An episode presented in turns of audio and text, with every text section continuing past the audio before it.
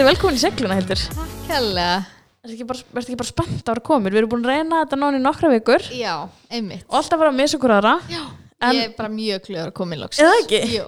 Þú ert náttúrulega vön að vera líka í podcasti. Þú ert með þitt podcast. Mm Akkurat og hana, þannig að þú ert ekki tveimur í það. Nei, nei, mér finnst mjög gaman að tala sko Þannig að það er ekki tóndamál við við það samveilegt Við hittumst fyrir hvað örgulega fyrsta sinn Ég man eftir því. Ég var einmitt að fara fyrir umhverju Ísland. Já. Skemmtilegt að því ég var með Birgitið náðan og var að tala um Ísland þá líka.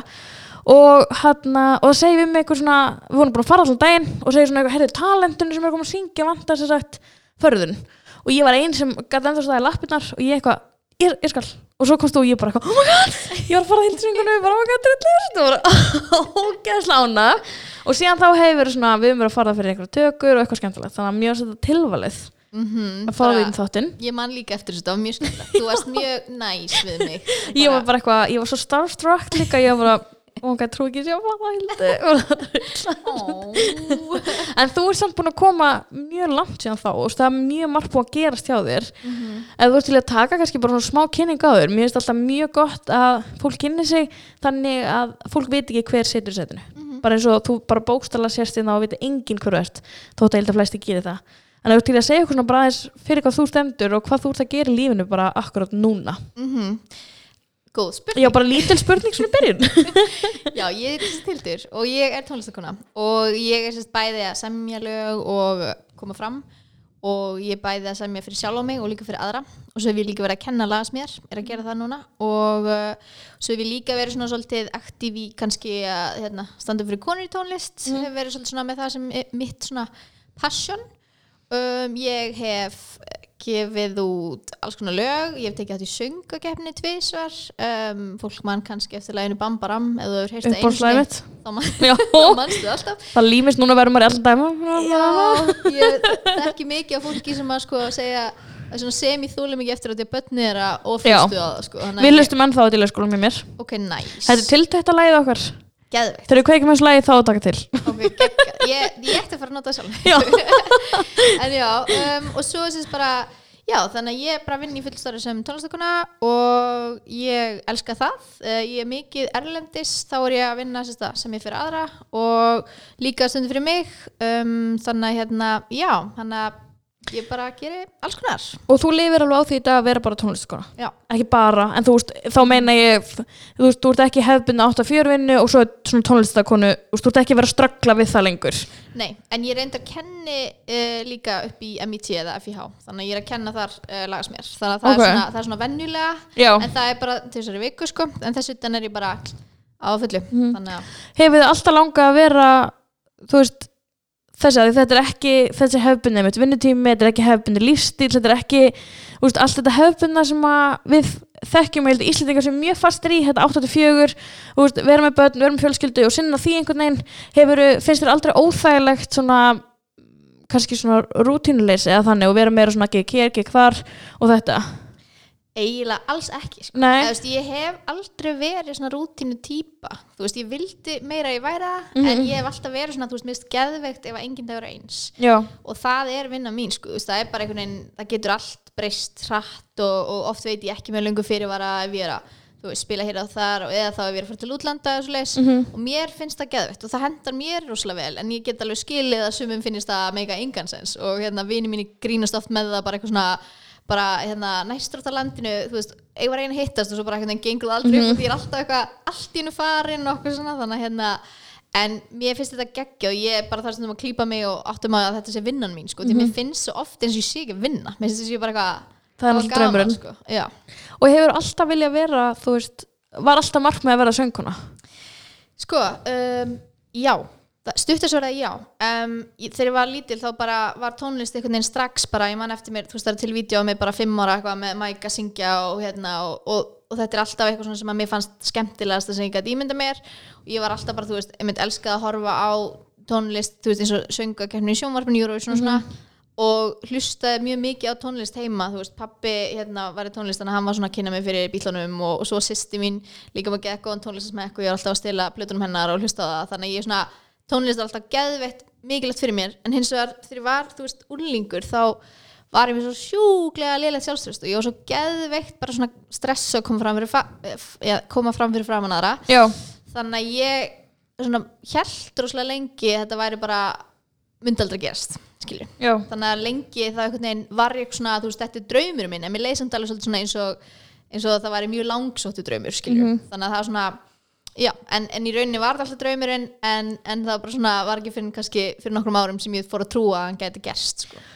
og upplifir mikið svona ströggl svona mikið svona pay or do tímbil eða gekk þetta bara einhvern veginn vonum fram að strax bæði og sko. Já. og því að er líka kannski það er ekkit endilega allir sem vita en ég byrjaði í tónlist fyrir löngu sko. ég í rauninni byrjaði ég var átjónara og þessi hljómsveit heitir Ökkuró og við gáum út alveg nokkra plötur og túrum um Evrópu og gekk rosa vel.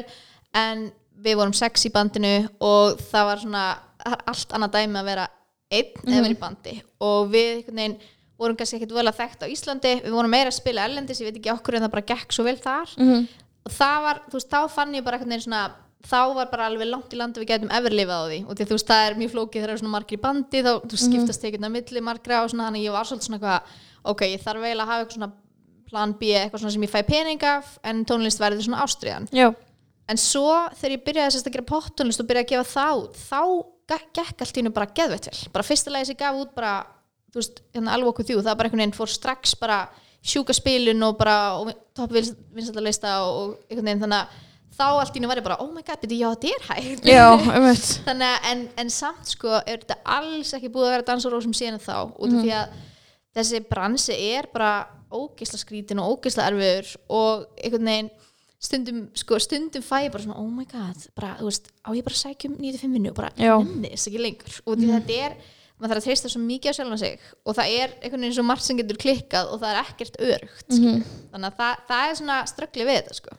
Ok, en hvernig upplifir svo núna að þú veist það kom svo rosalega mikið af flottu tónlistafólki sem að, og kannski sem að auðveldara með að gera tónlist að það er frekar auðveld í dag að gefa út lag sem getur nátt hitt, Eftir- þá menn ég ekki auðveld að gefa út gott lag, heldur þú veist þú kemst auðveldlega á streymisveitur og þú veist þú, eða kannski meira svona svolítið svona ah, ég vil ekki móðgan en það er svolítið svona eins og hver sem er sé að gefa tónlist, það er bara önnur hver manneskja er með lag á Spotify eða þú veist, hefur gefið eitt lag og ekkert meira. Þú veist, finnur þú fyrir meiri þrýsting að þurfa að þú standaði meira, gera fleiri lög þú veist, gefa út meiri svona hittar og kannski minni tónlist sem þú vil gefa út sko, það er mjög létt að fara inn í það allt í hennu að fara og hugsa ómikið um hvað er þið vinsælt og hvað, þú veist, þannig.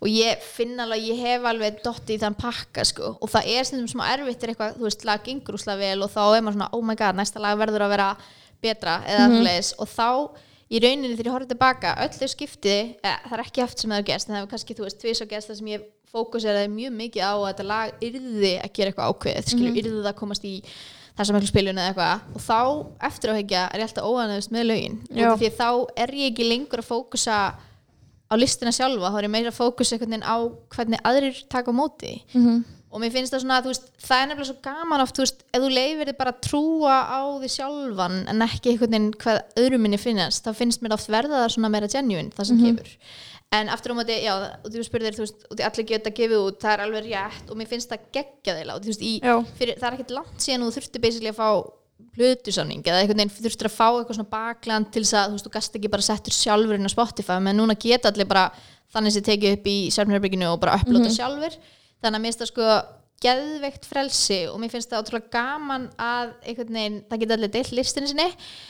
En það er kannski sko svona til lengri tíma. Ef þú ætlar að byggja upp feril þá verður eiginlega að hafa eins meira svona bakvið þetta heldur en bara að gera eitthvað random og setja á neti skilur og það er svolítið svona veist það sem að ég er búin að vera að gera núna. Ég er búin að vera svo mikið að byggja upp ferili minn þú veist einhvern veginn svona já, búið til tengsl mikið erlendis og svona og þannig að ég geti síðan haldi áfram og minn ferill snúist ekki bara um hitt eða ekki skilur, þú veist, að bara eiga einhvern hitt og, og svo bara degi ég það út skilur, þannig að ég er svona að reyna að byggja minn ferill upp þannig að ég geti lifað þessu til lengri tíma sko.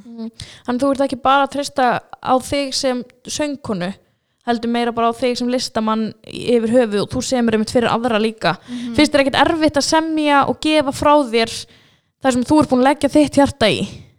Nei, sko það er nefnilega þetta er svolítið áhugaður bransi og þetta sem ég fyrir aðra er ekki mikið þeng á Íslandi. Þetta er bara svo lítil þjóð og það hefur ekki alveg þú veist, farið já, það er svona, fólk er rosa DIY á Íslandi sem ég elska. Já. langt flestir sem eru að syngja eða svoleiðis, eru þú veist, að semja sjálfur eða, eða þá einhvern veginn partur af því. En þú veist, erlendis þá er þetta svo mikið af kannski stórum leipulum þar sem eru svo margir sem koma að útgáfu.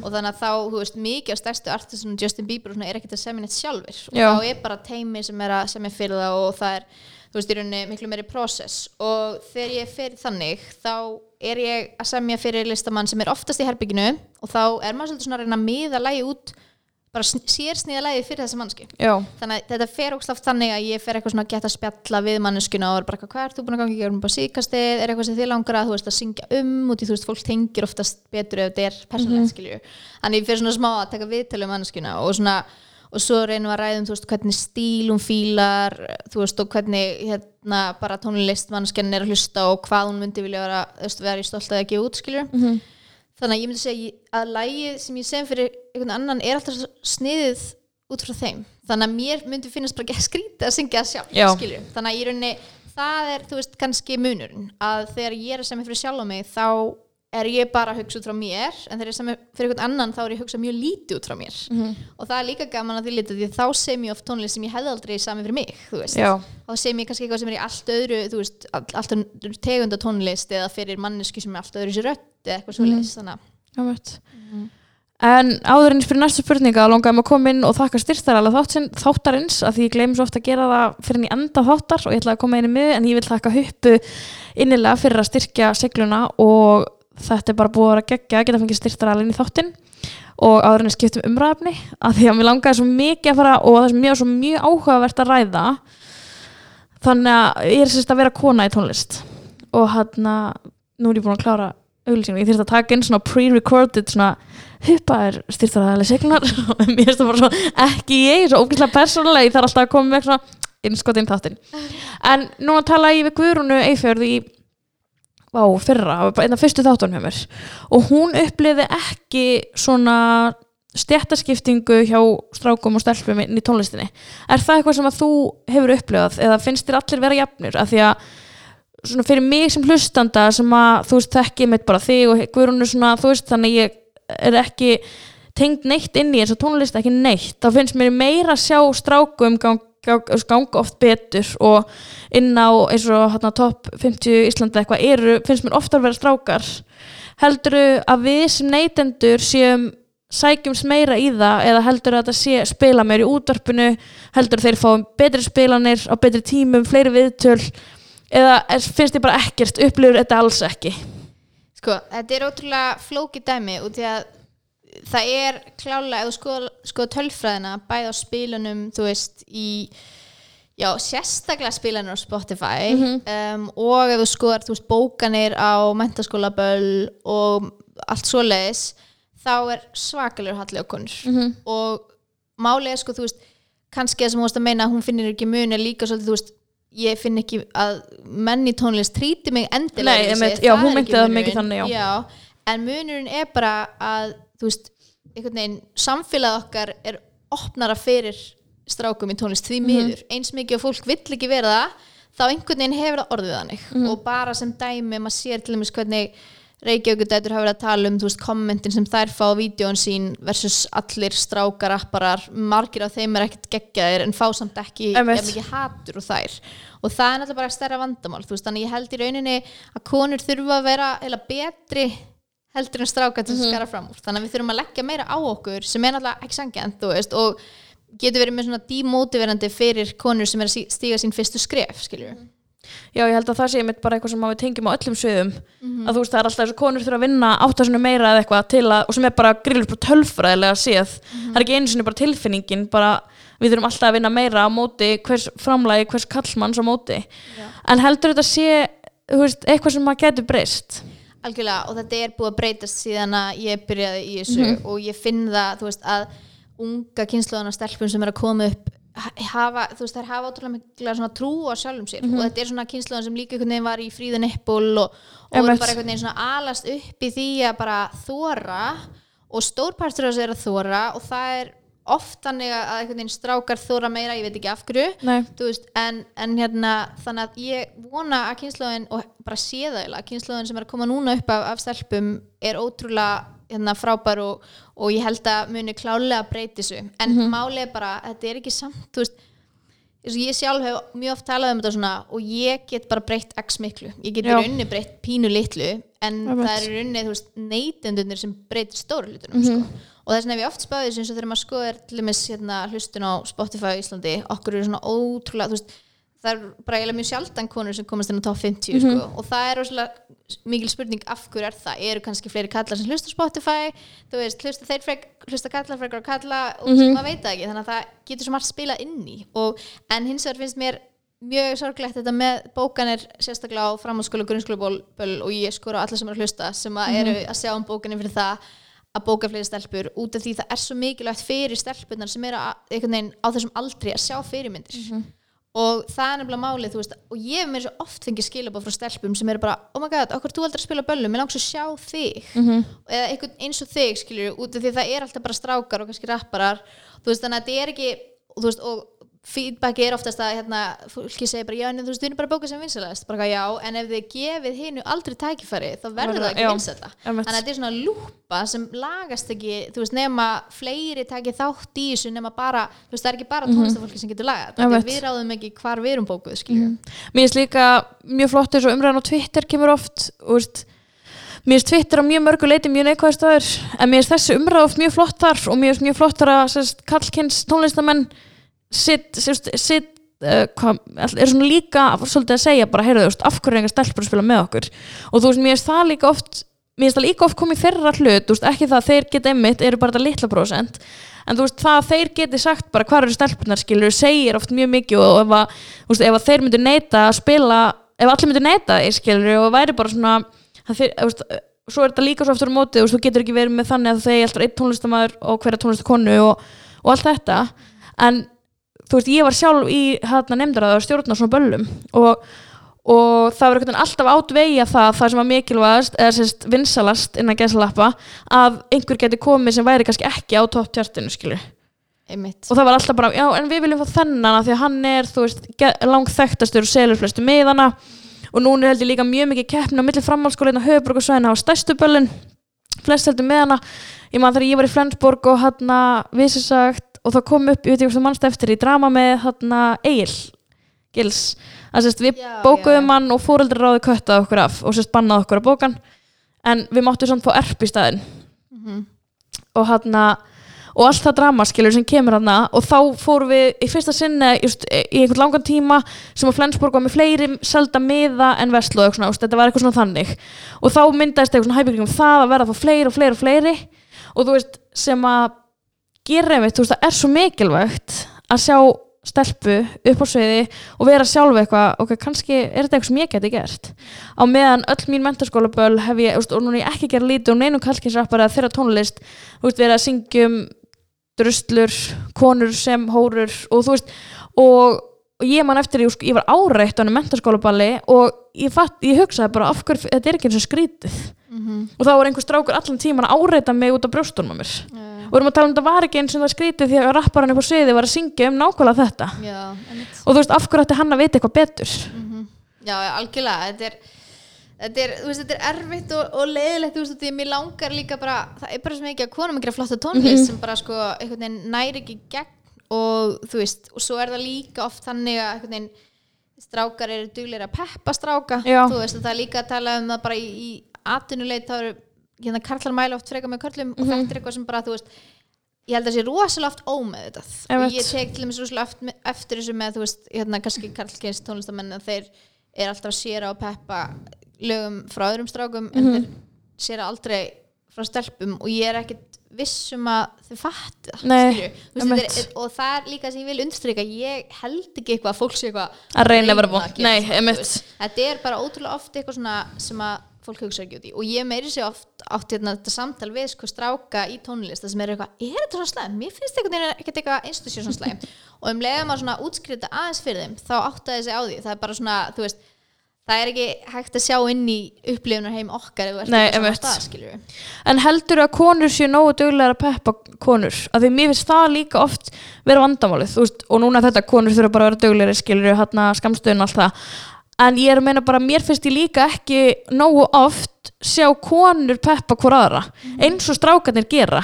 Þú veist, við sjáum bara strákarnir eru bara mæta á tónleika hjá hverjum öðrum, og ég verið á tónleikum og bara allt í hennu kemur ykkur rappar sem átti ekkert að vera og veist, ekki sem að bókaður skilur, maður vissi ekki að að koma og svona, veist, er þetta gerast veist, eru konur nógu mikið að búa til sitt samfélag og peppa og reppa okkur aðra líka aftur á móti eins og þeir gera Sko ég held algjörlega, ég held að sé alveg rosa mikið og stert hjá hérna stelpum að gera það, málið er til dæmis að þetta er svo mikið af vinsælustu hérna karllistamennum eru rapparar. Já. og það er svo miklu algengri þannig tónlist að sé feature. Og þá allt í einu eru kannski þrýr gaurar Já. á sama lægi og þá verður þetta svo mikið svona collab sem að er einhvern veginn auðveldur að deila. Mhm. á meðan það hefur einhvern veginn ekki alveg komið þú veist, jafn mikið, það er í fyrsta leið bara ekki jafn mikið af stelpum að gera svona tónlist. Mhm. og það er, þú veist, þannig eins og í mi- minni tegunda tónlist er miklu sjaldgæfur að vera með eitthvað feature, skilja þannig, að, þannig að í rauninni en ég er samt oft spáð í þessu, hvort ég hætti bara að gera einu plötu sem eru bara, bara fullt af bara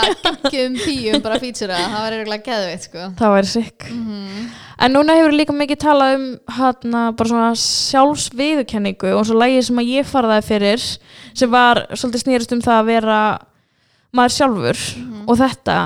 Og þú er líka sínt frá því á samfélagsmiðlum að þú er verið að berast við úst, hana, orðið dator hausnum á mér bara svona akniprón húð og allt þetta sem er ekki mjög algengt að maður sjáu tónlistamenn ekki í svona bara sínum bestasta alltaf og svona og ég held að það sem að einmitt vorum að tala um áðan með þú veist fólk sem er samfélagsmiðlum og allt þetta við sjáum fólki sem við lítum upp til svo nálægt okkur núna, þú veist, yfirleitt sá maður þetta bara í sjónvarpinum og svo fólk bara tónleikum, maður bara svona ædolæsaði fólk.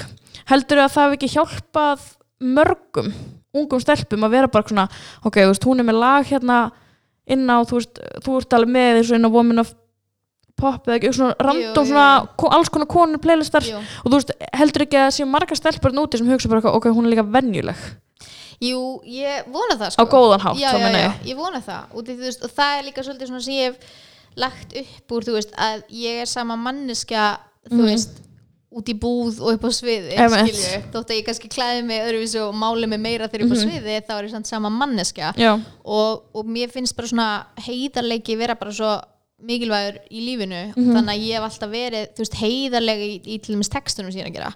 Og eins og síðasta EP-plata sem ég gerði það sem þetta lag Picture Perfect er á þá var þemað svolítið svona innsæi og bara treysta innsæinu að vera maður sjálfur sko, Mhm. og einhvern veginn að þóra að vera maður sjálfur þú veist, því að það er búið að lönglega fyrir mig að komast þangað þú veist, ég meina átti rosalega mörg ár þar sem ég var með lél sjálfströst og, og hafði enga trú á sjálfur mér. Og þú veist, eins og þú sagðir, þá var ég mjög, mjög slæma húð og það var rosalega fyrir sjálfströsti og sérstaklega maður, þú veist, það kom ekki fram og var bara eitthvað, oh my god húðin á mér er ógisli í dag og ég þarf að vera fyrir fram kameru og bara einhvern veginn allt þetta, sko. Þannig að þú veist, mér langaði ógislega mikið að einhvern veginn reyna að búa til pottonlið sem var einhvern veginn ekki bara um ástöðu eitthvað heldur meira kannski um eitthvað svona aðeins dýpra. Mhm.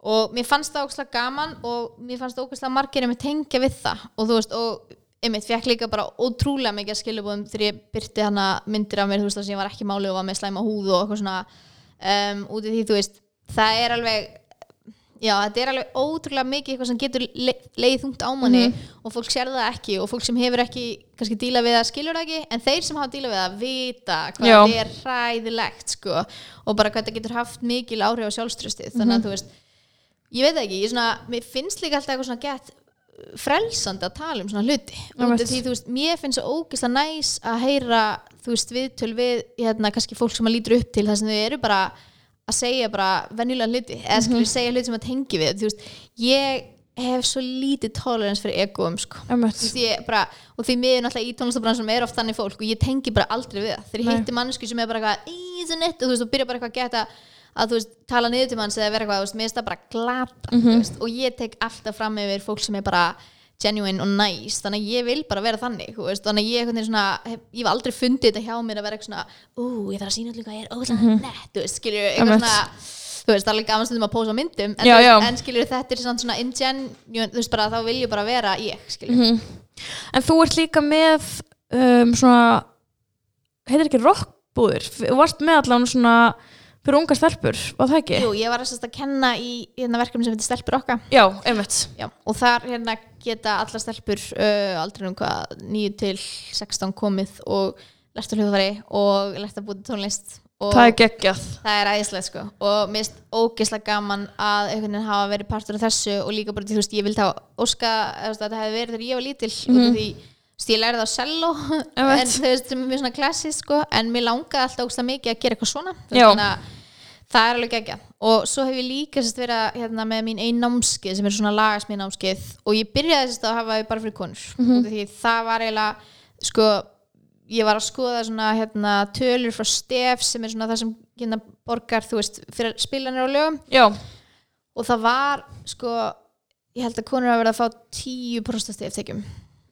já, og, og kallar það 90% Eðlilegt að þannig. Og þá, veist, og þá, það er borgað útrúið hver semulæð, skilur Mhm. þannig að í rauninni áttaði því bara vá, hvað hallar á konur sérst, sem lagahönda Mhm. þannig að mér langaði að halda þú veist, námskeið í lagasmíðum fyrir konur og hjælt alveg, alveg fjögur námskeið eitthvað, hérna, og það var ógeðslega gaman og bara er svo mikið af frábærum konum sem ég hittu og, og kynntist og hérna og fannst ógeðslega gaman að kenna og, og það sem ég áttaði mig líka á er að það vantar oft bara pínu lítið push bara, að bara rétt segja þeim, þú getur þetta. Þú veist, því ég held að sko því miður þá hafa konur oftar í sér að svona trú ekki alveg nóg á sjálfa sig Já. eða vera með svona einhverja imposter syndrom eða eitthvað svona. Á menn, þú veist, ég hitti stundum svona stráka sem eru nýri í tónlistabransunum og eru bara já maður, ég er, þú veist, prótser og ég er búin að gera þetta, þetta. Og þú veist, þau eru bara strax hérna og ég er stundum bara, fá, bara til hamingju með að vera með svona gott Mhm, sjálfstress einmitt. skilurðu, en ég hitti aldrei konur sem segja og það talir alltaf niður það sem það gera.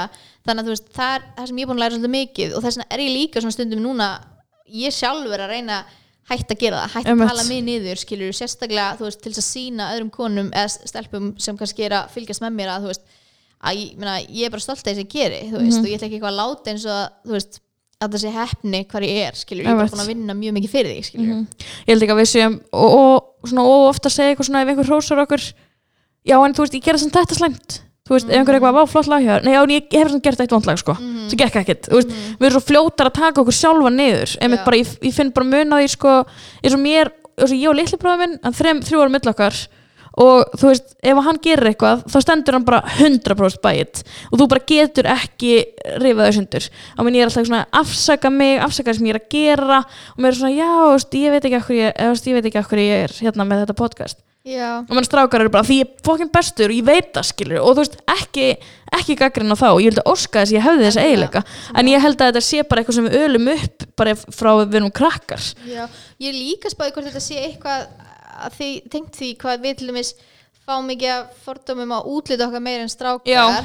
og þannig í rauninni erum við komið svona smá varnar vegg sem er svona, þú veist, að maður vill freka segja sjálfur heldur en einhver annar segja. Skilur þannig að stundum freka fer maður að afsaka svo einhver annar segja ekki við mann skilur þú veist, þannig að þá er þetta orðið bara ógeðslega eitthvað svona skrítin svona, þú veist, vani. Vítarhingu bara já, líka. já, en svo veist mér líka svona eins og ég upplýði núna að ég var ég byrja á TikTok sérst, þarna fyrir vetur. Og, og ég fór að sjá hvað það eru mikið af krökkum að segja ógeðslega hluti um hvort annað. Og veist, þetta bara svona þetta mindboblaði mig að þetta voru mjög oft stelpur að segja ljóta hluti við aðra stelpur. Og þetta komur svo óvart veist, ekki það, þetta vissi alveg að einhverju margir þetta væri svo samfélagsmiðlum, veist, núna var ég alltaf fullorðinlega þegar ég byrja á samfélagsmiðlum með einhverju viti. Hann maður veit ekki hvernig þetta er þannig. Ég var á, ég held svona fyrsta sem var svona nafnlust var formspring já. hrikalegt en þú veist, mér fannst það svo sorglegt og svo hann að þann inn á öllum stelpur að setja sér syngja og þú veist, alls konar. Og bara líka svo að gera á Instagram.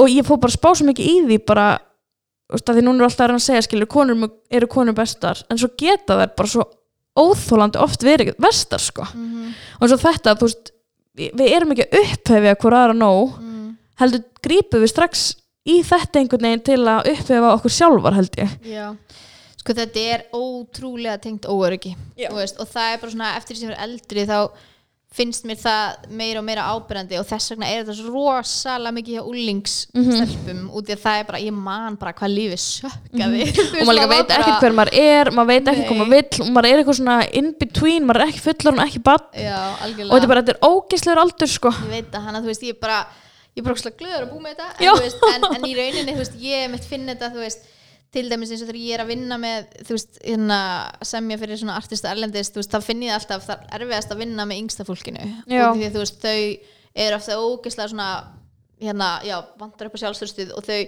felaða oft með stóru egoi Mhm. og það er líka oft svolítið fyndið að þú veist, fólk sem er oft einhvern veginn með mesta egoð er oft kannski bara ekki með sjálfströst það býr það til þannig og það kemur hræðilega út sko, Mhm. skilur ég þannig að þú veist, að ég ég, ég er ekki með lausnina á hvernig við getum þetta en þú veist, ég er bara svona ég, ég held þetta oftast eh, svona, þú veist, flestar svona grow out of it, eða skilur Já, þú veist, eftir því sem eldist svona fattar það, já, en þú veist en ég meina, þetta er partur af þessu, þú veist, og ég finn það líka og kannski allir sem eru svona, þú veist, áberandi bæða samfélagsmiðlum og bara svona í fjölmiðlum þú veist að, oh my god hvað maður hefur fengið mikið af glötum, kommentum og, röggli, sko, þú veist og, og það er bara einhvern veginn því miður partur af þessu. Og þú veist, eina svona sem er bara svona erfitt við kynnslóðan sem er alveg upp er kannski bara að þau eru svo vöndi að geta sagt allt á netinu á meðan þú veist, þú myndir ekki segja helmingin af þessu við manneskjur hittir hana sko, Mhm. skilurðu? En svo er mér líka oft þegar ég er að, þegar maður er svona eitthvað fara í eitthvað komment eða eitthvað svona, þú veist, sér svona frétt á Facebook og eru svona 44 komment og maður er svona, hvað er fólk að segja?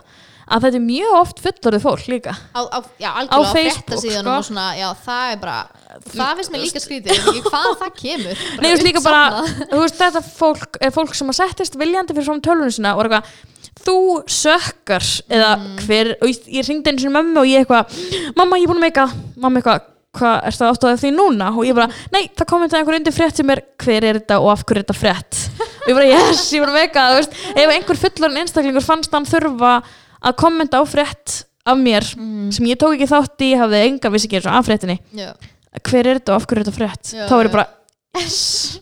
þú veist, að því þetta er svo sorglegt veist, þetta er, þetta er svo, þetta er svo, þetta er svo innbeittur brotavili algjörlega. Þú ert ekki að missa neitt út úr þér þú ert ekki að segja við vinkoninnar bara hver, hvað kon er þetta skilur. Mhm. þú ert viljandi að setja niður, skoðar það sem þú skrifur ítir og endar. Og hvernig upplifur eins og að vera ofinbjör manneskja og þurfa að fá þessi komment og veist líka bara til dæmis í kringum Eurovision það er náttúrulega mjög svona breiður aldurshópur sem horfur í Eurovision já og mjög mikið hitamál oft lögin sem eru hvernig Já. gekk þér að gangi gegnum það? Sko, það var ógslag fyndið. Ég hef í rauninni tekið það tvisvar. Ég tók þátt uh, 2015 sérst, um, sem partur á Duet sem heit Sunday og þannig að þá hafði ég gert þetta einu svona og svo fór ég sérst aftur sem ég, bara hildur með Já. Bambaram um, tveim árum setna og það var svona svolítið gott að vera búin að gera þetta einu svona áður þannig skildi svona svolítið út af hvað þetta gekk. En hins vegar var ógslag erfitt að vera bara allt í njög hildur skilur, því þá voru all kommentin einhvern veginn svo persónlega á mig sko. En það finna, eða ekki finna að var steikta við þetta er bara að sko út af því að þetta er einhvern veginn svona þjóðarkeppni það finnst öllum þeir eiga sko skilið að mega hafa skoðun á þú veist hversu langar bara tánegluna veist, það er bara allt sem þú gerir og ég, þú veist þannig að það var svona smá gott ég fór aftur inn í þetta sem bara einstaklingur að ég vissi að þetta er svona skilur Mhm. en vá sko bara þú veist ég ætlaði til dæmis fyrst ekki bara að skoða Twitter tengt þessu, Já. svo var ég svo forvitin að ég varð að gera það veist, en einhvern veginn, ég held að máli er sko þú veist, ef þú ert í góðu jafnvægi þá Já. getur þú tekið á mót sum en ég man ógeðslega vel eftir því sem bara söngakefnin er algjör ús í bani, rosa mikið sem fer í undirbúningin og rosa intense alveg magna að koma að reyða miklum tími í þrjára myndir og sviði, skilju Um, og ég man ótrúlega vel eftir þú veist að ég var búin að eiga bara geggja dag og ganga alltaf ósla vel og ósla peppuð. Og svo kom eitthvað svona einn dagur sem ég hafði bara sofið illa og, og var alltaf í norðin bara eitthvað stressuð og eitthvað svona var alveg að fara að koma á keppnin. Og þá man ég fekk eitthvað eitt Snapchat reply sem var ógslegt og ég bara brotnaði Já. og ég var búin að fá sko, þú veist, á þessum tíma var ég samt að fá sko miljón falleg skilabóð og bara alltaf að fá okkur svona vídeo og börnum að dansa við lagið mitt og allt svona geggjað.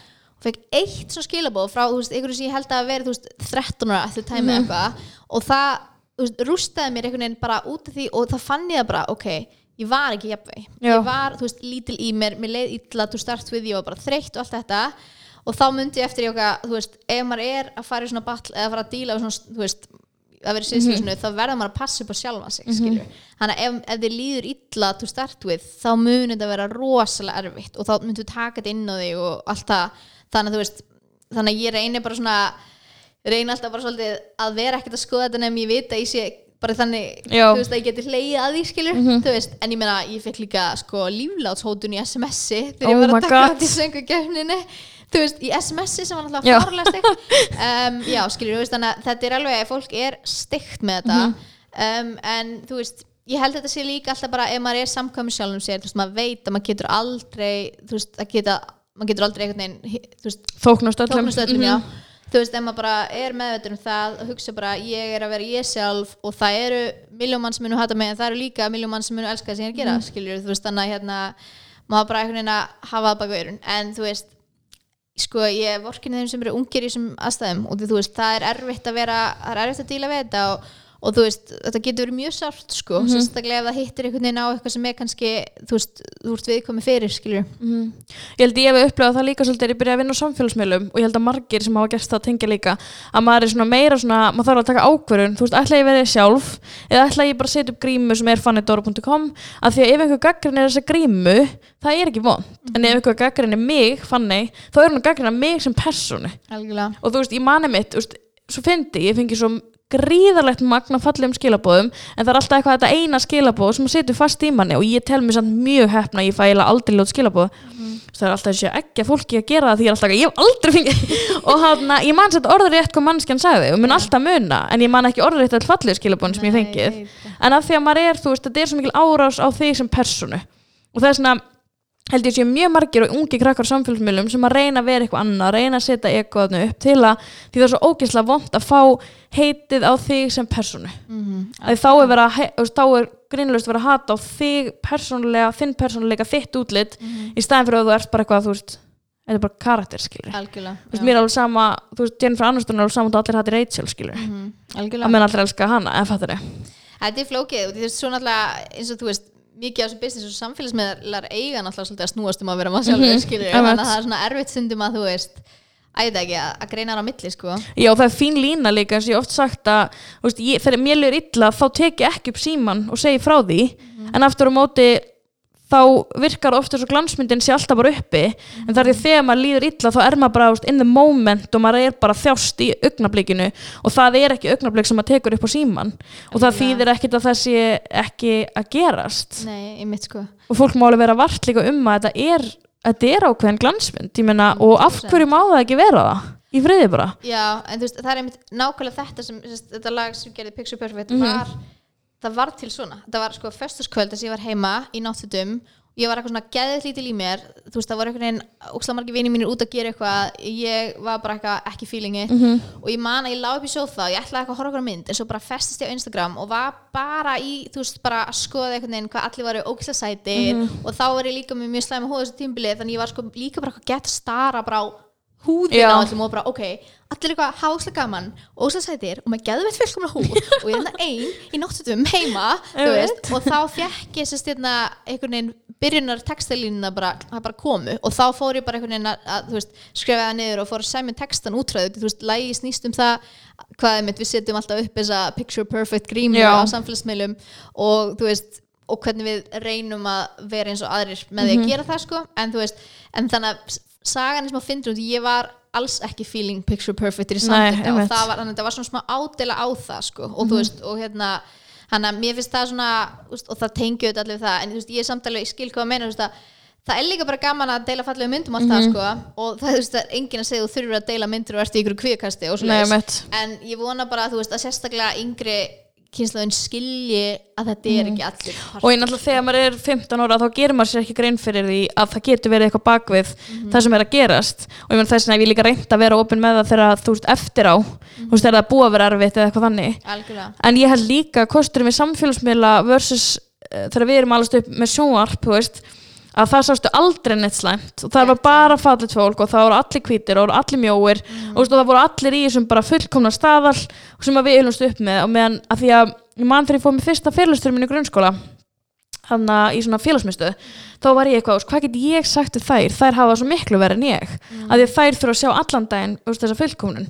En svo fatt ég að þær geta líka leita þú veist þessar stelpur geta líka leita af stelpum sem líti út eins og þær eru og veist, með sama húðlit og, veist, og hafa svo miklu meira aðganga svo miklu víðar og breyðara efni er rétt, heldur en bara bóstalla friends eða skilur Mhm, Nei, það er mjög góð punktur sko. Mhm. og það er náttúrulega líka sem að samfélagsmiðlar eru geggjaði fyrir það að þú veist að þeir einhvern veginn geta fagna fjölbreytileika mm Mhm. skilur, veist að maður getur einhvern veginn þú veist bara séð ógeðslega inspiring fólk bara út í heimi sem þú hefur aldrei séð annars sko, veist, þannig að það er líka og veist, eins og ég, til dæmis mitt Instagram, ég reyni bara að followa fólk sem inspira mig, Mhm. skilur þú veist, þannig ég er followa rosa mikið af tónlistafólki sem er flott og bara svona típum sem ég finnst vera cool og í ég líka hef lagt svo opbáslega mikið upp úr því bara síðustu ár að kunna samgleðast og kunna að þú veist, vera bara að láta einhvern jákvætt peppa mig. Mhm. þannig að þú veist, og ég segi þetta alltaf þegar ég er að kenna allir með lagasmíðar og sérstaklega fyrir fólk sem er svona að byrja þú veist, læriði að horfa á þú veist, þegar annað fólk er að ná draumunum ykkar lærið að láta að peppa ykkur mm -hmm.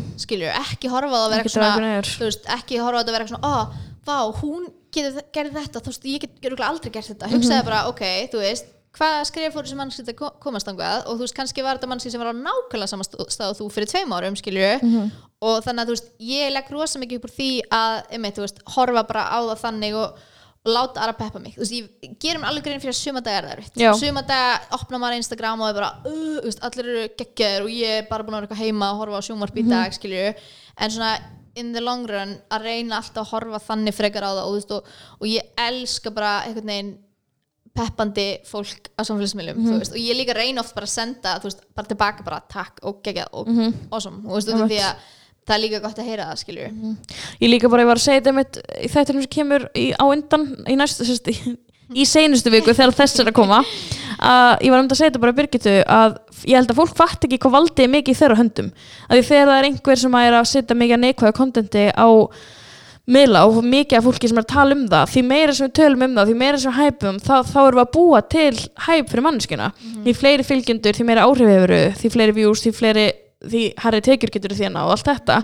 Og það sem ég held að fólk fatt ekki er að valdi er algjörlega í þeirra höndum að unfollowa fólk sem að er ekki að gera það sem það vil sjá skilur algjörlega.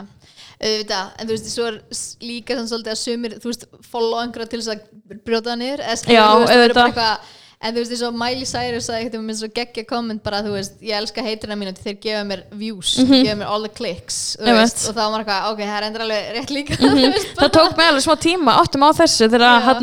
Hérna þegar business accountin kom á Instagram og þú getur séð hverju, ekki hverju, hversu margir sér það Já. og ég man að vinkonum mínar voru að tala um það sem að eru líka vinn á samfélsmjölum að þær skildi ekki að hver fólk var að sér það og ég var bara eitthvað, sér þið endilega? Því meiri sem sjá þið, því fleiri sjá það því herri tekjur er ég með, því fleiri followers er ég með. Veist, ég bara, ég ákvað bara markvist að taka auðvitað getur maður verið bara að býta af hverju hann sér einhverju myndbandi? Mm. okkur 20 mann sem sér að myndbandi sem ég er ekki að segja að gera þetta merkilegt Já. hvað er er þau að segja mig? En svo er ég bara eitthvað, því meira sem þið segja því lengra dreifisnafnum mig, því meira kemst ég, því meira get ég hjálpa vonandi fleirum. Já, já, og þú veist, fólki sem að hatar mest horfir líka mest. Algjörlega. Það fattar ekki, það 100%. borgar fyrir lífið mann skilur Nei, það er nefnilega málið, það er svo fyndið hvernig heitir geta stundum verið bara fyrstir til þess að horfa öll vídeo og bara bara, nice. Uh, já, ég er samt líka bara að passa mig svolítið, þú veist, ég myndi ald, eða, ég reyna að vera ekkert ómikið heldur að einblýna á þetta neikvæða þannig. Og þú veist, svo mikið að fara í eitthvað svona, ah, hver er að unnfóla á mig? og allt þetta, sko. og ég hef alltaf reynd að vera bara einslítið að spá í svona hlutum og ég get, sko. Þú veist, því það er, maður getur orðið alveg stektur og sérstaklega eins og þegar maður er tónlistamæður þú veist, fólk getur verið svo obsessed á play counts, skilur og farið að svona byggja, þú veist svona tala um þig útráði hversu mikið búið að spila tónlistina eina þú veist, og það, mér finnst það svo, þú veist, það er svo sjálf og leið til þess að hérna, segja eitthvað sem gott eða Mhm. ekki. Og því svo getur það líka gerst eins og með svo Spotify, þú getur líka alveg óvart lendin á okkurum geðveikt stórum playlista. Mhm. s- þar sem kannski bara fyllt af kaffu sem er að á playlistan, enginn er actually heima að setja þetta lag á, Já, og þá kannski ertu að fá fullt af plays og enginn veit hvað það er Mhm. þú veist, þannig að það er líka svona smá varasamt þegar fólk verður ómikið að lesa í eitthvað svona hluti, en það er mjög létt að gera það. Og Mhm. það er mjög létt, já. og ég finna alltaf ef ég er lítið í mér eða veist eins og til dæmis ég átti skilju hérna fyrir og hitti fyrir að var ég átti bara svona tímabil sem var bara rosalega kvíðin og leið ekki vel. Og þá fann ég allt svona alveg hérna ég var rosa fast í haustum á mér. Og með núna bara er hversu mikið plays úr með bara right now og ég bara nenni aldrei að skoða þetta núna en þegar mér leið illa þá er ég alltaf einhvern veginn voðalega upptökin að þessu. Sem segir mann líka oft sko koma að vera brenglar í hausnum þegar maður líður ekki vel. Þá fer maður að fókusa á hvað sem skiptir ekki máli. Út í þú veist, þið finnst allt í einu einhvern veginn eins og það skiptir máli. Þú veist, þetta er eitthvað kvíði einhvern veginn en svo þegar maður líður vel þá getur maður bara allt í einu hægt að spáði Já, nokkulega. Þegar maður líður illa langar mann einhvern veginn að lifa verð. Þetta er, einhvern veginn- þetta er óþólandi, sko. Já, og maður fer að vera eitthvað svona, já, já, bara skilja að líða svona, því, þú veist, það Mhm. er ekkert margir að hlusta núna, er eitthvað fáralegt, skilja. Ég man upplega þetta fyrst þegar ég byrja þegar seglan kom po, podcast appi og ég eitthvað svona nýjast þátturinn fór ekki í topp að brás. Og bara hvað er ég að gera ránt skil hvað, hvað er ég að spyrja ránt og bara hérna. Svo var ég bara eitthvað slaka slaka elsi á sko. Af því að þú veist, svo fór ég bara aðeins að líka stoppa og það er svo mikilvægt sem að næri sér sjálfsynna því að núna við báður unni okkur upp og kvíða og þannig að maður hættir alltaf að horfa svo mikið inn á við og finnast maður miðpuntur alls. Mér fannst ég líka þegar ég var kvíðin þá var ég bara það hata mig allir. Já. það líkar engum við mig og þessi stóru orð veist, allir alltaf engin Já. veist, þau, þau setur svo þungt á manni. Já. og meðan núna er ég bara eitthvað veist, mér gæti gera með hann sama. Þá ef við hlusta einn á þáttinn þá er bara frábært skilur Já, nákvæmlega. Af því að það er ekki, það hataði ekki allir. Það er enginn ekki að hlusta skilur þú veist. En hvernig hefur unnið svolítið, af því þú er líka að tala um það þú hefur verið að díla við kvíða og svona. Já, og það er eitthvað annað sem við höfum sammeinlegt og hvernig hefur unnið svona upp úr því Sko, í fyrsta lagi vissi ég bara lengi vil ekki vera með kvíða. Já. Ég bara vissi ekki nóg mikið hvað það væri. Og það er svona svolítið flóki við kvíða, hvað fólk tala mikið um það í dælu tali þegar það er smá stressað fyrir ykkur. Mm -hmm. Skilur bara, oh my god, þetta er kvíðin. Já, Þú Veist, og þannig að ég hugsaði alltaf að þetta væri bara eins og að vera stressaður eða vera svangur og vera smá kvíðin. um, og það var ekki fyrir en ég fór að kynnast einhvern veginn fólki sem að var með kvíða sem fór að benda mér á hlutina sem ég var að gera sem var kvíði og þá var ég eitthvað, ha? Er ég með kvíða? Og Einmitt. þá, eins og finnum við, það er að kalla svo mikið að kvíða hefðun alls konar öðrum nöfnum, skilur vera bara, já, ég ætla bara að vera alveg viss um að þetta sé öruglega rétt, þú veist, en þá ertu bara kvíða fyrir hvað gæti gerst, Einmitt. þú veist, þannig ég held að það var svona fyrsta skrifið að áttum á því, herðu, ok, þetta er kvíði bara þessir alls konar hluti sem er búin að vera að díla við kvíði. Um, og þetta var, þú veist, þetta er reynda líka tengt, þetta, er svona, þetta var svolítið stærra mál hjá mér og því ég er sérst líka með ADHD og það var ekki greint í rauninni fyrir á síðast ári. Já. og það er oft þannig að þú ert með ógreint ADHD þá hérna, ígir það kvíðar og svo mikið. Þannig að ég var að byrja að díla við þú veist, mjög mikinn kvíða út í þarna á þessum tíma var ég líka bara þá rosa mikið álag á mér í tónlistinni. Og ég var til dæmis alls ekki nokkuð að taka með pásu. Þú veist ég bara tók mér aldrei frí. Og þú veist ef ég fór til útlanda sem margir heldur að vera frí hjá mér þá var ég að vinna alla dagana. Og átti síðan kannski halvan dagi frí og svo þú veist þurfti ég líka að fljúa heim og, og svo um leið ég kom heim var eldrast að hlutum bíðandi skilju. Þannig að ég þú veist, svolítið gerði allt verra með að gefa mér ekki breyk og, og, og bara íta áfram á sjálf mig. Og svo í rauninni var það bara veginn svona ákveðin lágpuntur þar sem allt í hennu bara var ég eiginlega búin að klæsa vegg. Og ég eiginlega fekk svona byrjunina að stefa börnáti og það sér bara basically þannig að mér fannst ekkert skemmtilegt lengur sem er umurlegt og mér fannst ekki einu svona gaman að gera tónlist sem er alltaf verið mín stærsta passion. Og ég bara einhvern veginn var með skapið mitt var bara hræðilegt og bara einhvern veginn það var bara ekkert jafnvægi í lífið mínu veist, og, og það var líka eitthvað svona sem ég svona, tek svo mikið eftir muninum þú veist að þegar þú ert í góðu jafnvægi þá þarf miklu stærri hlut til þess að Já. fokka upp deginunum en þegar þú ert í lélu jafnvægi þá bara þarf rétt svo vallan eitt að gerast og þá er bara dagarn ónýndur skilur en allan þannig að ég hérna, svona, fann það bara ég var búin að hitta vegg. Ég var bara ok, ég veist ég bara það er bara allt umlegt og það hérna og ég er rosalega glöð að ég fór að taka á því um, og ég ákveða að fara til sálfræðings og hérna skoða þetta með hvort ég var með kvíða og ADHD þannig ég byrjaði að fara í veist, ADHD greining er langt ferli. Þannig að við bara fórum að skoða þetta bæði og í kjölfarið sérst byrjaði á kvíðalefjum sem hjálpuðu mér mjög mikið um, en svo í rauninni kláraðist ADHD greiningun það tók 11 mánuði. Já, þetta er alveg svona ferli. Og svo einmitt byrjaði ég á lifum fyrir, því, fyrir nokkrum mánuðum. Og ég er ekki, veist, ég er ekki að hljóma eins og lif sé eina sem skiptir máli. Og því það er heldur ekki það er ekki ávísun neitt gott að trúa bara okkur á pillu. En þú veist, en um leið og ég fekk þú veist, rétt lif þá fór ég líka að sjá hlutin í réttu ljósi. Og þá svona einhvern veginn var, þú veist, ætla ekki, þá, þá fóru hlutin að make a sense og þá gæti ég farið að skilja hegðun mína einhvern veginn og líka tala um það sko. Ég upplega þetta svolítið mikið í byrja á kvíðalöfum líka að mér var með svona fordóma gagvart í að vera á livjum og þú veist mér varst það svo mikið svona eitthvað svo svakalegt skref á meðan að þegar ég byrjaði að vera á kvíðalöfum og svona fór að finna breytingu þá var ég bara, já, þú veist kvíðin stoppaði mig í að líða betur. Og þú veist, kvíðin let mig vera bara svona þú ert ekki náttúrulega skilur til að vera þú ert ekki nógu kvíðin eða eitthvað hérna Algjörlega. til að vera að nota kvíðalöf sko. og margir þú ekki að fyrir sálfræðings og því þeim finnst þér ekki vera nógu slæmir skilur ég hef aldrei hugsað þú veist, um að enda líf mitt þannig ég má ekki vera sálfræðings um, en sem er algjör miskilningur Mhm. og, og líka, þú veist, ég reyna ofta að útskriða þannig, þú veist, ef þú fótbrotnar þú ert ekki eitthvað, ah, ég ætla að harka dammir jæja, þú veist, ég er ekki nógu fótboltun já, þú ferð og díla við það án þess að hugsa málið. Mhm. og, og akkur á maður ekki að gera það saman þú veist, ég horfa á þetta tilbaka, ég horfa, á hversu graf alvarlegt það var að mér leið þannig að ekkert var gaman lengur. Þú veist, hva, Mhm. hvernig meikar lífi sens ef það er, þú veist, aðstæðan?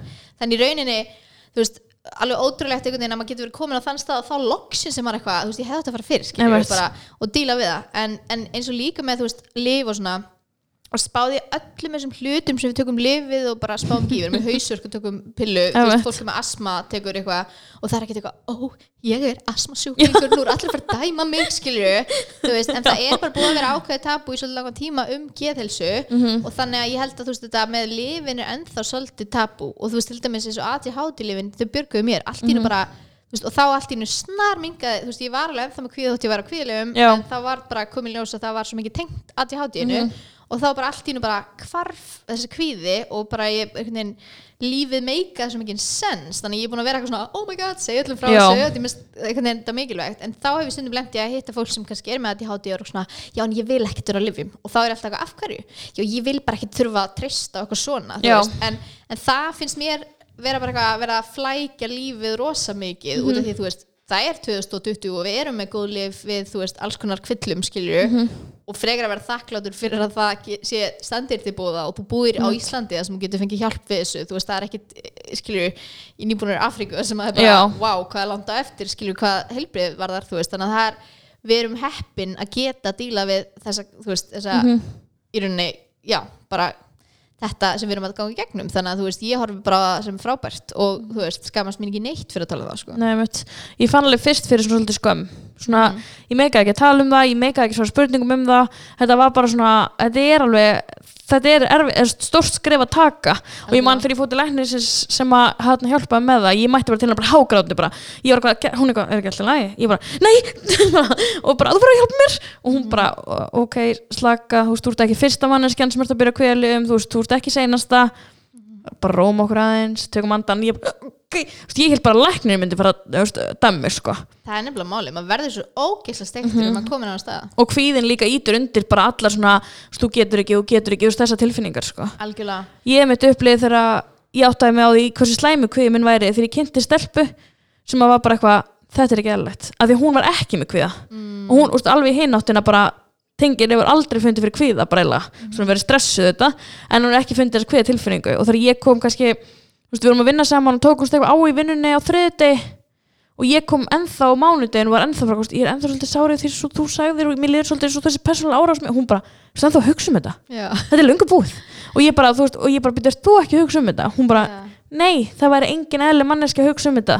Og svo, svo var hún bara, byrja hvernig liður, af hverju liður svona? Og ég bara, liður þér ekki svona og Mm. þannig sem ég var bara svona, já ok, þetta er ekki bara stress. Og einmitt þegar fólk er eitthvað svona ég, bara, ég þarf að fyrir búið, ég er bara stressuð. Að menn ég er bara stressuð að það hitta fólk að fyrir búið og bara þú veist, það sé ekki til í búðin sem ég þarf, þú veist þetta. Mm, maður svo vanur að heyra bara þetta stresstal sko. Já, en ég held líka að það sem fyndi við svona alls konar hérna, andlega, þú veist svona þætti að maður talar ofta ekkert um þetta. Mhm. þú veist, eins og margir sem að, þú veist, ég þekki sem að, þú veist, núna veginn er þetta alveg svo opið fyrir mér að ég er alltaf að tala um þetta sérstaklega við fólk sem ég veit að með kvíða og Já. ADHD og svona. Og það svo fyndi hvernig svona mikið af þessum hlutum er eitthvað sem þú sagðir aldrei upphátt. Mhm. þannig að þú fattar ekki að vera skrítið og svo kannski fyrsta skipti sem þú segir það uppátt eins og þú segir þessu stelpu þá allt í hennu er allir bara what, hvað sagður og þá ertu bara, ó, hugsa ekki allir svona. Þú veist þannig að ég er svona, finnst sko geggjað hvað er mikil umræðum þetta núna. Þannig að þú veist til dæmis að ungi krakkar geta fyrrfarð að skilja veginn hvernig hugsanin er að virka allt svona, þú veist, ég vissi ekki neitt hvað hvíði var þegar ég var sko í, þú veist, grunn og mentaskóla, ég bara Einmitt. vissi ekki, þú veist, og það bara var engin umræð um þetta og, og ég man sko, þú veist, að það var svona ykkur í fjölskyldur minni sem var með þunglindi og ég bara var eitthvað, oh my god, ég myndi aldrei segja upphátt Mhm. að ég væri með eitthvað svo leiðis og svo bara fólk fyrir sér svona spennitreyju þannig að þú veist, mér það, ég held að það sé oft máli að maður veginn, maður sko hugsa bara sjálfur að allt sem að maður hugsi hljóti bara að vera eðlilegt, Mhm. þú veist, en svo áttum maður sig ekki á því að þetta er kannski, maður er í einhver svona eins og bara, þú þekkir kannski þegar maður dettur í svona kvíða lúpu hugsunarring Mhm. og þá er maður sko, það er svo fáranlegir hluti sem maður hugsa Mhm. og svo, þú veist, hérna skilur, ef einhver segir við þig segðu upp átt, hvað akkur þetta kvíðin og þá segir maður þetta upp átt og maður skamma sín svo mikið og þetta er svo heimskulegt, þetta er bara eitthvað svona ég er bara kvíðin, að ég fari þannig og þú veist, einhvers í sömu buksum ég, eða þú veist, þetta er bara svona algjörlega farlega eða þú veist, bara sem er bara búin að miklu, miklu, miklu fyrir sér bara Já, í haustum, bara, já, og oft um leiðu sér þetta upp átt og ertu bara, oh my god, þetta er svo vandræðilegt Mhm. og því, þú veist, þá heyriru að þetta meikar ekki sens en Einmitt. kvíðalópan í haustum það er eins og missir svona rökhugsun Mhm. og ég fann það oft þegar ég var svona í svona alveg fekk alveg kvíðakastið eitthvað svo og svo sko, þá vá, ég myndi ekki einu svona eftir þessari lausn eða, eða Mhm. þú veist þetta stæði með til bóða eitthvað svona svona rökhugsun sem bara dettur út mm og þá bara svona daginn eftir verður bara okkur ég kvíðin yfir þessu, ég get alveg fengið hjálp fyrir þessu eða Einmitt. eitthvað svona, þannig að þú veist mér það líka mjög áhugavert og þeir sem hafa ekki upplifað kvíða geta oft ekki skilið þetta Mhm. þeir eru oft bara eitthvað svona okkur hættir ekki að bregja sem þetta að vera svona stressur og maður er eitthvað, uh, I know. Og líka, þú veist, þegar maður setur bara svona og fólk er að horfa á mann og það gerir sér ekki grein fyrir því inn í hausnum en mann er bara, mm. byrju, þú veist, ef ég fer ekki núna þarna þá þarf ég að fara í lúa og ég get ekki farið í lúa því ég vil ekki setja, þú veist, ég get ekki farið á þennan veitingstað því ég vil ekki neitt sjá mig þar og hvað ég gera. Og svo er maður bara komin í bara svona, þú veist, og svo að því ég skrifa rosa mikið niður það sem ég hugsa svo ég sjá að þetta er ekki veist, þetta er ekki rökrétt. Og það er bara svona, þú veist, rótinu vandamálinu var ívarsvöng, eða eitthvað skilur ef maður er bara komin í eitthvað svona miklu starra og þú veist, þetta er orðið bara svona snjóbolti sem bara rúlar, rúlar, rúlar en byrjun á hún með bara eitthvað greinlítil, sko. Og ég líka, þú veist, finnst líka hérna, gott að segja eins og með ADHD, þú veist, því það líka til dæmis svolítið fyndin hérna hlutur út af því að fólk tengir það oft við svona litla áverka stráka. Já, svona skopparbolta. Já, og svo hafa mjög mörg sagt til mig bara, þú, þú ert ekkert með ADHD þú ert bara gett rólega okkur svona. En málega er þess að þú veist ADHD er bara svona róf, þú ert bara með mismöndi hérna, þú veist, enkenni og til dæmis ég hef alltaf verið með svona alveg super áverkan haus sem þýðir að ég get aldrei sofið. Og það er ekki það sem fólk sér þegar að tala við mig, þú veist, og því að sérði ekki hver hugsa og þú sérði ekki það að ég so- sef ekki nóttinni Einmitt. skilur, þú veist, þannig að það er líka svona bara ágætis ámenning með allt svona alla andlega heilsu að það er ekki hægt að sjá hver er kvíðin það er ekki hægt að sjá hver er þunglindur eða með ADHD, þú veist, þetta er allt svona og mér finnst bara svona, þú veist, umburlindi gagvart þessu skipti svo miklu máli þú veist, og bara að trúa því sem fólk segir skilur, í staðan að vera eitthvað svona veist, það sést ekki á þér, þú ert alltaf svo glöð og maður eitthvað, já, veistu hversu mikið að fólki setja upp grímu að vera glöð og láta út fyrir að líðið vel en er það ekki, skilur? Ég veit, ég veit byrja á sálfræðing og hún hvati mig til að fara í svona ADHD-greiningu eða ADD og ég bara nei, ég fæ ekki út úr henni nei, nei, nei, nei, nei, nei, bara hjá henni. Í ár svo var hún eitthvað, jæja, núna er komin tíminn til bara byrjum að, ég eitthvað svona, ok. Og fer og sem sagt, var ekki nógu mikið með ADD þegar ég bad og sem að stelpur eru oft svona ofurrólegar það er svona ofurslakar og svona, þú veist, það er oft svona hérna stelpuþeng í staðin fyrir að vera svona rosalega skopparboltar. Og svo fór ég ekki til hennar í smá tíma eftir að sálfræðingsins, eftir ég fæsist að því ég var ekki, að því sérst, síni sérst, eins og þú er með ADHD og kvíða út af frá því þá er ég með kvíða og ADD út frá kvíðanum. Já, er öfugt sko, leiðir, já. sko, og hún eitthvað svona, svo mæti til hennar hún eitthvað svona, þú ert búin að fílu um mig út af þessu. Og ég bara, Mm. já. Ég er búin að vera það og hún bara, já þér fannst þú ekki með að koma. Og hún bara gæti alveg lesið að, að ég var búin að vera svo sár út í hana Já. að ég vissi fengi ekki neitt út úr því. En hún var samt bara eitthvað, já núna getur ég að fara að vinna markvist að kviðanum þetta Já. er ekki slæmt skilur núna vitum við bara þetta og höldum áfram. Og ég bara, samt fílu Já, ég skilði, ég ég var sko í maður þegar ég var í þessu greiningaferli þá var ég komið svona impostor syndrom, ég, er bara, bara bóka ekkert með þetta og ég er bara sér með þetta. Og svo er ég bara, þú veist, bara all, allt þetta sem er að mér, það er bara eitthvað annað. Og ég veit ekki hvernig að díla það, þú veist og það er vist mjög algengt fyrir konur og líka út í eins og að segja, þú veist, konur sína oft allt öðruvís enginni, þannig að þú veist, það er oft vangreindari á konum og margar konur greinir setna eins og þú veist, ég greindist miklu setna, eða þú veist, mjög seint. Um, en það sem er einmitt líka einmitt ógæslega fyndi, ég finn það svo mikið núna þú veist, eins og kvíði, ef ég er ógæslega kvíðin þá bara virkar ADHD hausinn minn ekki, þá bara man ég ekki hvað ég heiti sko, þú veist, ég keiri bara einhvern átt, veist, það er bara ógæslega fyndi þannig að svona, og ég held að það sé líka bara með alla andla heilsu, það er svo margt tengt saman, þú veist, þannig að þetta snýst alltaf um að reyna að vera einhvern veginn reyna að ná einhverju jafnvægi og því, þú veist, um leið og eitt fer þú veist, einhvern veginn fokast upp, þá er allt hitt líka sko. þannig að þú veist, það er svona það sem ég reyni alltaf núna að hugsa bara að vera bara að halda í að bæinu sko. ég held sér líka bara svo mikilvægt að stoppa og anda og við erum svo ekki nógu duglega því sem Íslandingar að bara þú veist, taka djúpan anda og vera bara verður alltaf lægi, þú veist, við erum alltaf bara að reddast þetta gengur, staðan fyrir að vera bara svona ok, Já, höldum sko, áfram skilur. Ég veit ekki hvað er málið með Ísland en þetta er algjör stressþjóð og allir Já. alltaf gett seinir en alltaf allir gett að flýta sér og alltaf eitthvað ekki tími fyrir neitt og þú veist, ég veit ekki hvað þetta er. Og samt er alltaf allir úslega hissa að sé allir komin á kveli og allir, allir, allir eitthvað svona, það er bara allir byrjað á kvelum bara, jú veist af hverju? Já, en þú veist, ég hef ekki hugmynd hvernig að breyta sig en svo fyrir maður eitthvað til Danmerkur og það er allir bara og það chilla er og maður eitthvað, what? Bara eitthvað í steikt. bjór klukkan fjögur og við erum bara eitthvað, svona, við vinnum til sex. Við erum, hættum ekki að vinna fyrir en dagurinn er búinn. En ég held að við getum grínlega tala allan daginn og við getum dottir bara neins þryggja tíma spjall og ég veit að það eru mjög margir reyndar búin að kalla eftir lengri podcastum. En að því ég er einmitt uh, dett svona út og enda ofta að byrja að tala í lúpu líka þá finnst mér betra að taka því svona voljúmum Já, þannig ég verð alveg bara að fá þau til að koma aftur. Endilega. Og einmitt eins og ég segi, við getum tala saman held ég allan daga bara um þetta og tónlist og allt sko. Mm, þannig að ég held að það sé bara gott að enda þessum nótum. Yes. og takk æðislega fyrir komuna. Takk fyrir og mig. takk fyrir að gefa þér tíma. Nú ekkert grín að gera þetta svona fyrstaskvöldi það og ég mæli með að þið fylgist með Hildi á Instagram. Það er hæ Ég fatt ekki á hann fyrir nökku ég sagði eitthvað, ég, ég alveg á Hildur að koma. Hann alveg á hæ Hildur ég, að, hæ Hildur, já, hæ Hildur það er svo margir sem fattu þetta ekki. Ég fatt þetta ekki svo, ég held að það er bara svona Hildur hefur upptekið Já, og þú var, bara svona, já, h-i Hildur svo bara, já, hæ Hildur og getur eitthvað núna sens. Er